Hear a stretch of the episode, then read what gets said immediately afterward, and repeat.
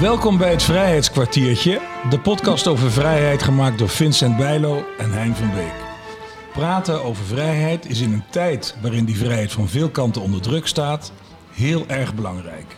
Dat doen we in ongeveer 40 afleveringen van een kwartier met allerlei soorten mensen.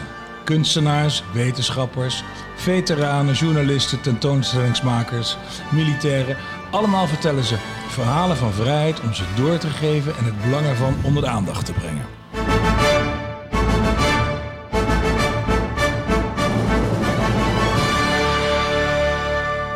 In deze aflevering spreekt Vincent Bijlo met Diewertje Blok.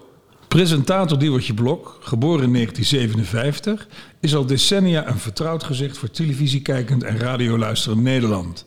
Ze geeft sinds 2019 colleges over vrijheid, speciaal voor kinderen, leerlingen van 9 tot 12 jaar op basisscholen. De Kids Colleges. Diewertje deelt in dit kindercollege haar visie op vrijheid aan de hand van haar eigen levensverhaal. Tijdens de Tweede Wereldoorlog was haar familie door haar Joodse afkomst gedwongen om onder te duiken. Diewertje vertelt aan de kinderen hoe haar moeder de Tweede Wereld heeft beleefd en hoe zij zelf, dus Diewertje, naar vrijheid kijkt. Diewertje en Vincent, aan jullie het woord. Diewertje, wat geweldig dat je hier op uh, slot Loevestein uh, wil zijn. We zijn hier in de ja. Piekenier, dat is de oude commandeurswoning. Um, ja, jouw visie op vrijheid. Ja, mijn visie op vrijheid, dat klinkt wel heel ja, erg. Die heb jij dus en daarom ben je hier. Ja, ik heb gedachten over vrijheid. Ik oh, heb gedachten, niet, ja, ja, ja. dat is toch wat anders dan een visie op vrijheid. Want mijn, mijn college begint er ook mee dat het natuurlijk een, een, een zo'n gigantisch groot, wijds begrip is, vrijheid. Daar kan je zo veel kanten mee op, hè, als je daar met kinderen over wil hebben. Ik werd daar, omdat ik dat ging maken, toe gedwongen om daarover na te denken. En ik ben vooral uitgekomen voor dat college over uh, de vrijheid om te kiezen. Dat vind ik heel erg belangrijk, dat je, een, een, een, dat je kiest, dat je een keuze hebt. Dat probeer ik de kinderen aan de hand van allerlei uh, voorbeelden uh, daar iets over te zeggen. En hoe, ja. hoe begin je? Dus, dus even voor nou, ik begin, met, ja, ik begin juist met al die kleine vormen van vrijheid waar ik het uiteindelijk niet over heb. Hè. Dus dat je dat voor de kinderen waarschijnlijk vrijheid, dan denken ze in eerste instantie aan vakantie. Ja. Hè, dat is voor kinderen vrij zijn. En dan heb, geef ik allerlei voorbeelden van mijn eigen kleine momenten van vrijheid. Dat ik bijvoorbeeld al heel jong het huis uitging. En niet omdat ik het niet leuk thuis had, maar omdat ik het gewoon allemaal zelf wilde uitvinden. In, in, uh, zelf in allerlei sloten wilde lopen en, er, en dan maar kijken hoe ik er zelf uit kon kruipen. Dat, dat soort dingen. Dat Ja. ik uh, moeite heb met autoriteit. Dus als mijn man zegt dat ik naar de kapper moet, nou dan kan je ervan verzekerd zijn dat ik nog zeker twee weken wacht voordat ik ga. Want het moet mijn beslissing zijn en niet die van een ander. Zo ver gaat dat zelfs. Dus dat zegt hij nu ook niet meer. Nee, dat zegt, nou, hij, ja, hij, hij weet dat het zinloos is. Nee, dus hij, nou, hij zegt het soms nog wel. Hij ergert zich nog steeds soms aan mijn, uh, aan mijn te kapsel. En dat het hoog tijd wordt uh, om naar de kapper te gaan. Die man overigens waarmee je op bevrijdingsdag ja. bent getrouwd. Ja, klopt. Ik heb mij, nou, dat geef ik ook als voorbeeld. Ik, ben in, ik heb me in vrijheid aan iemand gebonden. En, ik, en dan zeg ik ook, daar gaat vrijheid voor mij ook, uh, ook om. Vrijheid is niet onbeperkt. Je maakt in vrijheid uh, afspraken met elkaar. Maak, stel je toch uh, stel je grenzen. Vrijheid gaat voor mij namelijk, ik denk dat dat ook heel belangrijk is, gaat, heeft bij mij altijd ook met de ander te maken. Mijn vrijheid, ik zeg ook altijd, het is meer de partij voor mijn vrijheid dan voor de vrijheid. Want dan gaat het alleen maar over een bepaalde groep die in feite de vrijheid van anderen uh, ontkennen. Ik voel mij niet prettig als mijn vrijheid ten koste gaat van de vrijheid van anderen. Dan Nee. is die vrijheid voor mij niet zoveel waard. Ja, dat is. Ken je Annelien de Duin? Nee, ik ken Zij niet. is hoogleraar en uh, zij heeft een enorme studie gemaakt van vrijheid. En zij zegt ook. Uh, er zijn eigenlijk twee soorten vrijheid. En dat is een collectieve vrijheid en de individuele vrijheid. En de individuele vrijheid waarvoor die, uh, uh, nou ja, die mensen als Wilders, maar ook mensen als Willem Engel en zo staan. Dat is eigenlijk een, ja, een, eigenlijk een vrijheid waar, waar je. Uh, die is niet onderhandelbaar en die geldt alleen voor die mensen. Precies, en gaat, dus, en gaat ook nog eens vaak echt ten koste van anderen. Ja, Ik ga even een liedje laten horen aan, over collectieve vrijheid. Moet je, moet, je, moet je dit eens horen?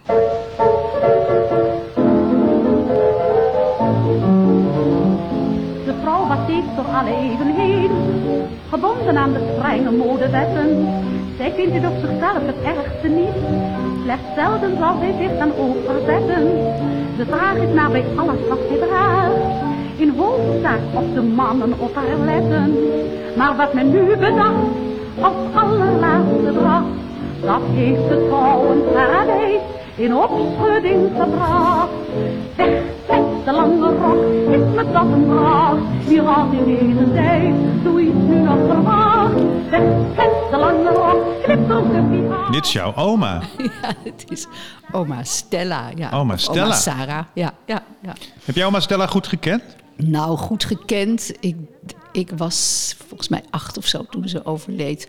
Ik heb haar echt in haar nadagen wel gekend. Ze had een hele grote dikke pukkel naast haar neus. En daar mochten we dan op drukken. En dan deed ze brrr, dan ging de bel.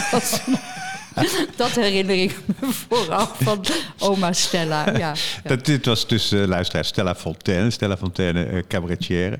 1899, 1966. En ehm, ja, als een van de weinigen uh, ontkomen. Ja, oh, ja mijn, mijn, mijn oma was Joods. Ja. Uh, dat deel van mijn familie, van mijn moeders kant, hè, daar heb ik het over, die, die zijn Joods. En, en zij, zij is als een van de weinigen inderdaad van, van haar familie ontkomen door onder te duiken in de oorlog. Ik heb het natuurlijk over de Tweede Wereldoorlog. Ja, ja, ja. ja, ja. want dat is natuurlijk iets wat, wat, wat in de Kids College op een gegeven moment ook waarschijnlijk wel ter sprake komt. Mm -hmm. Nou, als ik het, dat, het gaat, uh, het komt ter sprake omdat ik het heb ook over hun onderduik en de mensen die dus zich niet de vrijheid liet ontnemen door de Duitsers om keuzes te maken, om zich dus te verzetten. En dat zijn er eigenlijk maar weinigen geweest. Daar Ja. moet je heel veel moed voor hebben. Ik toon ook altijd een foto, die ik trouwens ook gebruikt heb eh, toen ik op 4 mei op de Dam sprak, het afgelopen jaar. Een foto van het strand bij Zandvoort, wat mij altijd zo raakt. In Ja. voorjaar 42, bord verboden voor Joden, naast de trap naar beneden, zonnige dag, strand ligt vol. En natuurlijk met de kennis van nu, maar dan denk je, ja, die mensen zijn er allemaal langsgekomen met hun emmertje en schepje. En die hebben toch de keuze gemaakt om weg te kijken of om hun schouders op te halen of wat dan ook te denken. En eh, nou ja, ik, ik, eh, voor mij is natuurlijk heel belangrijk de, de, de mensen die, eh, dankzij wie ik er ben, die ervoor gezorgd hebben dat mijn grootouders en mijn moeder de oorlog hebben kunnen overleven. Die dus met gevaar voor eigen leven de keuze gemaakt hebben om andere mensen te helpen. En om zich te verzetten tegen, tegen de Duitsers. Maar zo'n zo'n bord inderdaad, dat, dat, ik, ik luisterde naar jou op 4 mei. En dat, is, dat, dat snijdt toch werkelijk door je ziel. Ja, absoluut. Ik heb ook voorbeelden gevonden van eh, mensen die eh, tijdens de laatste razzia in de rivierenbuurt eh, kersen gaan eten in de, Velu of, eh, in de Betuwe. En in de trein zitten en denken van, Hé, wat, is, wat is dat allemaal voor een gedoe met die joden? Dat duurt allemaal zo lang. Dat houdt ons gezin heel erg op. Schrijven dat gewoon in een dagboek. Nee, Het is werkelijk ongelooflijk Ja. hoe dat soort mechanismes werken. ja. ja. Nou ja, en dat is, de, en, maar dat is, en dat is iets wat nooit, wat, wat ook heel menselijk is en wat nog steeds aan de orde is. Ik, ik probeer het naar de kinderen te vertalen door te zeggen: kijk, jullie, eh, jullie maken vast mee dat er gepest wordt op school of op straat. Wat doe je dan? Loop je door? Verzet je je? Of, eh, hè, of, of pest je mee? Je hebt keuzes. Je hebt Ja. altijd keuzes in het leven. En ik geef als voorbeeld om eh, te lachen een gedicht wat ik van mijn moeder leerde. En ik heb het ook weer aan mijn kinderen geleerd. En ik verspreid. Nou, het is een gedicht van Annie M. G. Schmid. Het is heel bekend over de regenworm in Sneek. Die altijd naar de sterren keek en fluisterde: hoe schoon, hoe schoon. Zijn moeder zei: doe toch gewoon, kijk naar beneden, naar de grond. Dat is normaal, dat is gezond. Kijk naar beneden, zoals ik. En toen, toen kwam de leeuwerik. Het wormpje dat naar boven staarde, zag hem op tijd en kroop in de aarde. Maar Moe, die naar beneden keek, werd opgegeten daar in Sneek. Dus doe nooit wat je moeder zegt, dan komt het allemaal terecht. Nou, dan, moet er, dan moeten de kinderen even vreselijk lachen natuurlijk. en dan zeg dus- ik, ja, weet je, het is niet... eh, ik, eh, het is ook heel zielig dat die moeder doodgaat. Dat propageer ik allemaal niet. Maar dit gedicht heeft mij later wel... het- eh, heb ik een andere betekenis eraan gegeven. Ja, namelijk dat je tuurlijk. eigenwijs moet durven zijn. Ja. En dat je eigenwijs moet durven blijven. En je eigen pad moet volgen. Eigen keuze moet maken. Dus als de hele klas... eh, naar rechts gaat, wil dat nog niet zeggen dat jij mee moet naar rechts. Nee, je dus kan ook, je, je kan, en ik begrijp heel goed hoe ingewikkeld dat is, want er is een grote druk van iedereen om je heen. Maar toch wil ik ze dat meegeven. Weet je, blijf eigenwijs, blijf naar, af en toe naar de sterren kijken. En, Nou, ja. De druk om normaal. Dat, dat is, ik vind het al, het is een woord. Als ik het hoor, dan heb ik al de neiging om te gaan schreeuwen. Ja, doe, doe, doe normaal, zoals Ja. ik. En dus ook, je, je hoeft ook niet altijd mee te gaan in alles wat je ouders doen. Die kunnen denkbeelden hebben. En jij, maar jij moet je eigen denkbeelden gaan bepalen. Ja. En dat is lastig, maar ik probeer dus heel erg het beetje onafhankelijk kritisch denken te promoten aan de hand van dit, dit gedicht van M. G. Schmid. Denk je dat, eh, realiserend hoe moeilijk dat is Ja. hoor. Dat, zeker op die leeftijd. Ja. En gaan de kinderen... Merk je dat? Dat ze anders naar buiten gaan dan ze je college, je Nou, we, kidscollege we doen, ja, we doen aansluitend eh, heel vaak een dilemma-spel. Hè, dus Oh ja. de onmogelijke keuze. Je moet kiezen tussen twee kwaden eigenlijk. Of twee dingen die allebei zijn voor, voor's en tegens hebben. En eh, nou, dan is het heel leuk. Dan zie je dus bijvoorbeeld bij sommige dilemma's... dat de grote meerderheid eh, het ene kiest. En dat er een paar kinderen zijn die dan iets anders kiezen. En dan geef ik al meteen, dan zeg ik... En het gaat niet om... Wat, het ene is niet beter dan het andere antwoord, snap je? Het gaat niet om een goed of fout antwoord... maar het gaat erom dat je erover nadenkt... en dat je dan uitlegt aan de rest waarom je die keuze hebt gemaakt. Want er zijn voor beide keuzes argumenten te vinden. Ja. Het gaat om het, om het nadenken over, over, over keuzes die je maakt. Ja, want Nou, en, dat en dan merk je dus dat dat, nou, als ze zo'n heel verhaal van mij hebben gehoord, dat dat, dat dat wel ingedaald is. Ik weet niet hoe lang het blijft zitten, maar het is Nee, dat weet je Nee, ja. Maar het kan ook zo zijn dat de kinderen dan eh, keuze maken omdat ze denken dat jij wil dat ze dat zeggen, dat ze dat kiezen. Nee, nee, nee, nee, nee. Nee, want het is niet. De, het zijn eh, onmogelijke keuzes. Ah, ja, nee, ja. nee, nee, nee, nee. Het is absoluut niet heel duidelijk dat het een beter nou, is dan dat het gaat ander. niet. Het is- nee, precies. Ja. Het is je, je, je redt. eh, ehm, wat is het nou? God, ik, ik probeer een, een dilemma me voor te stellen. Oh ja, je redt een mensenleven en je wordt heel rijk en beroemd. Of je redt tien mensenlevens, maar iedereen vindt je een ontzettend vervelend mens. Iedereen vindt je een vreselijk mens. Oh, dan kies ik voor de laatste. Ja, Absoluut. Ja. Ja. Maar je kan ook denken, er was ook iemand die zei... nou, dan red ik één mensenleven en dan word ik heel rijk en beroemd. En met al dat geld kan ik dan nog veel meer Ja, mensen mensenlevens. Ja, ja, nou, dat kan ook, snap je wel. Dus het is helemaal niet per Ja, maar je weet nooit zeker of dat gebeurt. Nee, Want je maar kan ook toch- zo'n nee. doorgesnoven Nee, idioot en dat worden. mensen voor het andere... En zeggen, ja, want het maakt me niet uit wat anderen van mij vinden. Ja, Hè? Ik ja. kan me niet schelen wat de rest eh, over me... Nou ja, zo zijn er eh, allerlei eh, eh, mogelijkheden en argumenten mogelijk... waarom ze het een kiezen of het ander. En het is juist het leuk om het daar met elkaar over te hebben... en te, en te horen waarom ze dan een bepaalde keuze hebben gemaakt. Ja, Want daar gaat het om, dat je natuurlijk nadenkt over wat je doet. Dat je niet rukzichtloos achter de massa aanloopt. Hoe lang dat doe je dus al? Hoe vaak doe je dit? Nou, helemaal niet zo heel vaak. In het begin heb ik het veel gedaan en nu word ik af en toe eh, uitgenodigd. Maar het is wel ontzettend van belang. Want als Ja. het, we hebben het. Maar er zijn meerdere die tegenwoordig ook die kidscolleges doen. Ik heb, ik heb de pilot gedaan. Ik ben ermee begonnen voor de vrijheidscolleges, voor die leeftijd. Ja, Leila doet het ook. Leila Pronjovrak. Die Mhm. hebben we ook te gast hier. Die is eh, eh, eh, uit, uit Bosnië moeten vluchten in, twee, in 95. Ja. Die doet, dat, die doet het ook. En het is, natuurlijk, het is natuurlijk de kern van ons hele verhaal eigenlijk. Van je, het is van onbeschrijfelijk belang om de verhalen te blijven doorgeven. Zeker. En, Altijd. en, en voor kinderen werkt het gewoon heel goed als je het ook persoonlijk maakt. Dus ik vertel inderdaad ook over mijn moeder, die dus alleen omdat ze, hè, omdat ze Joods was, terwijl ze veel meer was dan dat. Je bent niet alleen maar Joods. Ik ben wel Joods, maar ik ben, ik zeg altijd, ik ben ook Joods, maar ik ben ook nog zoveel meer. Ik ben Europeaan, Nederland, ik ben vrouw, ik ben iemands kind, ik ben een moeder, ik ben Ja. een vriend. Je, je, ik vertel ze eigenlijk, iedereen is een soort diamant met allerlei facetten. En Jood zijn is daar één van. En nou, dat zijn allemaal unieke edelstenen die wij zijn en die bepalen hoe wij verder in het leven staan. En je kan niet iemand beoordelen op maar één ding. Ja. Nee, maar dat is ook goed omdat in deze tijd, want dat identiteit, dat beseffen wij niet altijd, dat, dat is niet één ding. Bovendien kan het ook nog steeds wisselen, want ook dat. het is ook een heel dynamisch begrip. Ja. Nee, mijn moeder werd, dat zeg ik ook uit, werd Joods door de oorlog. Want ze was niet religieus. Kijk, religie kan natuurlijk al best bepalend zijn. Maar zij was heel, ze waren heel erg geassimileerd, mijn, mijn, mijn grootouders en mijn moeder. En het was, het was helemaal geen item. Nee. Eh, zeker niet in Amsterdam in, en, en ook al helemaal niet in de artiestenwereld. Nee. Ja, uh, dus ze deden niet aan, aan speciale rituelen. Er werden geen Joodse feestdagen gevierd. Ze aten alleen geen. Uh, ze aten wel kip op vrijdag, dat dan weer wel. Oh, maar goed, verder. Maar ja, weet je, verder. Nou ja, goed. Er, was niet, ze waren wel lid dus van de Joodse gemeente. Ja, ja. Mijn grootouders zijn wel Joods begraven, maar die zijn dus pas na de oorlog Joods begraven.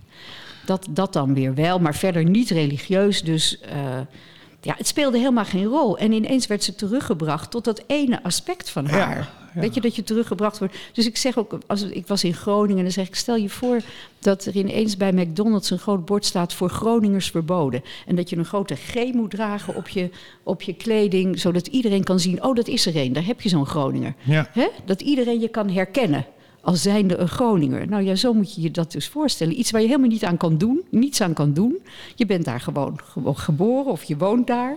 Nou, dat is hetzelfde als dat je, dat je Joods bent of dat je katholiek wordt geboren. Of, of je ouders katholiek zijn, of dat je groene ogen hebt en blond haar, weet ik veel. Ja. Staat dit ook allemaal in, in de draaglijke lichtheid? Nou, dat komt er allemaal wel in voor, in de draaglijke lichtheid, ja. Dat is een boek wat je... Ja. Maar dat vertelt ook wel heel erg het verhaal van, uh, van mijn, ja, het verhaal van mijn grootouders, de geschiedenis van mijn grootouders. En het is grotendeels een dagboek van mijn moeder, wat ik heb gevonden. Ja. Heel veel jaren nadat ze is overleden en heel lang na de oorlog. En uh, nou, daaruit blijkt wel dat het dagboek begint uh, eind dertiger jaren. Dus vlak voordat de Tweede Wereldoorlog uitbreekt. Want zij was 19 toen ze moest onderduiken. Ja, maar de dagboek begint, toen was ze pas 16. Ja.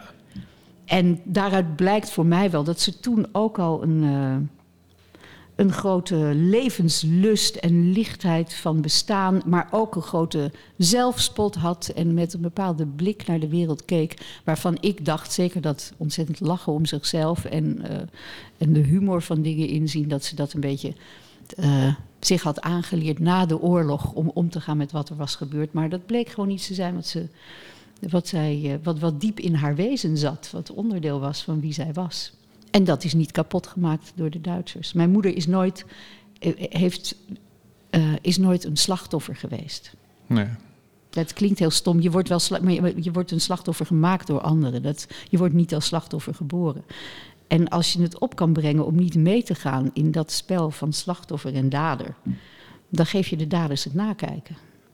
Ja, dat is, dat is ook. Maar dat moet je wel kunnen opbrengen. Ik bedoel, dat is makkelijk gezegd, dat weet ik wel. Maar goed. Nou, als je het vertaalt bijvoorbeeld naar, naar, naar, naar de kinderen en naar het pesten, dan is er ook natuurlijk een verschil tussen je laten kwetsen en gekwetst worden. Ja, precies. Dat ja. is in, in, in, op, op klein niveau dat. Ja. Eigenlijk. Ja. En, en, je, en je moet er wel, nou ja, mijn moeder heeft dus dat in ieder geval uh, ons niet belast met slachtofferschap. Nee. En dat is wel heel belangrijk, denk ik. Dat je, je, je, je moet ook uitkijken dat je je daar niet in verliest. Maar dat is, ik bedoel, dat is makkelijk gezegd. Want ik ken ook genoeg mensen die zo beschadigd door de oorlog zijn. Door wat ze hebben meegemaakt. En niet iedereen, uh, niet iedereen heeft dat in zich. Nee, natuurlijk niet. Iedereen is anders. Ja, ja. Ja. Hein. Ja, we hebben natuurlijk de standaardvraag eigenlijk. Hè, wat, oh, dat, dat nee, weet nee, dat weet je niet. Nee, nee, dat is ook helemaal niet erg. Oh, jee, maar jij doet er alles aan. Nee, ik bedoel, uh, hoe, hoe breng je dit mooie verhaal over naar de jeugd, de jongeren? Maar dat, dat doe je in feite al. Nou ja, door die vrijheidscolleges, ja. door... Poeh, ja, en op kleine. Door, door gewoon het voor te leven, door te proberen zelf te leven met deze ideeën en Ja. principes en niet eh, genoegen te nemen met, nou ja, door mijn mond open te trekken als het nodig is. Ik, ik vind taal ook heel belangrijk, want daar begint het vaak mee. Dat je als je maar vaak genoeg een leugen eh, vertelt, dan wordt het waarheid. Hè? Dat was ook gewoon echt wat, eh, wat, wat de nazi's wisten. Wat, als je dat doet, hoe dat werkt. En daar ben ik dus wel heel gevoelig voor. Als mensen het hebben. Ik weet een keer, herinner me aan tafel een keer. Mijn kinderen zaten nog op de middelbare school. En dat dan één iemand zegt. Ah ja, en die Marokkanen. Ja, dan ben ik meteen zo van. Oh ja, wie bedoel je dan? Vertel eens. Eh, wie is dat dan en hoe heet die? En eh, dat je niet het hebt. Dat je niet over mensen in een soort. nou, Hoe moet je dat zeggen? Dat je niet zo moet. eh, Nou, veralgemeniseren. ja, de Joden, de, de Marokkanen, die bestaan niet. Maar en het, maar het griezelige is... De vluchtelingen bestaan niet, de Russen bestaan niet. Dat, eh, Maar als je kijkt, en dat klinkt misschien heel oudbollig, maar als we kijken nu naar de sociale media. ja. En je ziet iedereen lopen met die, met die telefoon in zijn hand en plaatjes kijken. Je wordt eigenlijk geïndoctrineerd en, en, en, en je leert eigenlijk niet meer vrij denken. En, Nee, en dat eigenlijk is ook moeten we mijn dat grote, zien te doorbreken. Ja, dat is mijn grote angst. En ik, nou ja, ik hoop dus door met die vrijheidscolleges dat ik misschien, bij al, al is het maar bij een paar kinderen, een, een zaadje kan, Ja. eh, kan planten. Maar ik realiseer me hoe ingewikkeld dat zeker nu is. Kijk, ik zit bijvoorbeeld ook niet op social media. Nee. Waardoor ik een veel prettiger leven heb. Ik, ik zit er gewoon niet op. Ik lees het niet. Het eh, komt bij mij niet binnen. Waardoor ik eh, zo vrij uit kan leven. Ja, dat is ook veel en beter. praten. Ja, Ja. absoluut. Maar als we kijken naar het curriculum lagere school, basisonderwijs, is, is het geïmplementeerd? Dat je moet gaan roepen hoeden en je eigen, je eigen leven enigszins moet leren te leiden? Of is het nog steeds Jaap een gedientje en aap? Ja, dat vraag ik me dan af. Ja. Hoe leren die kinderen dit?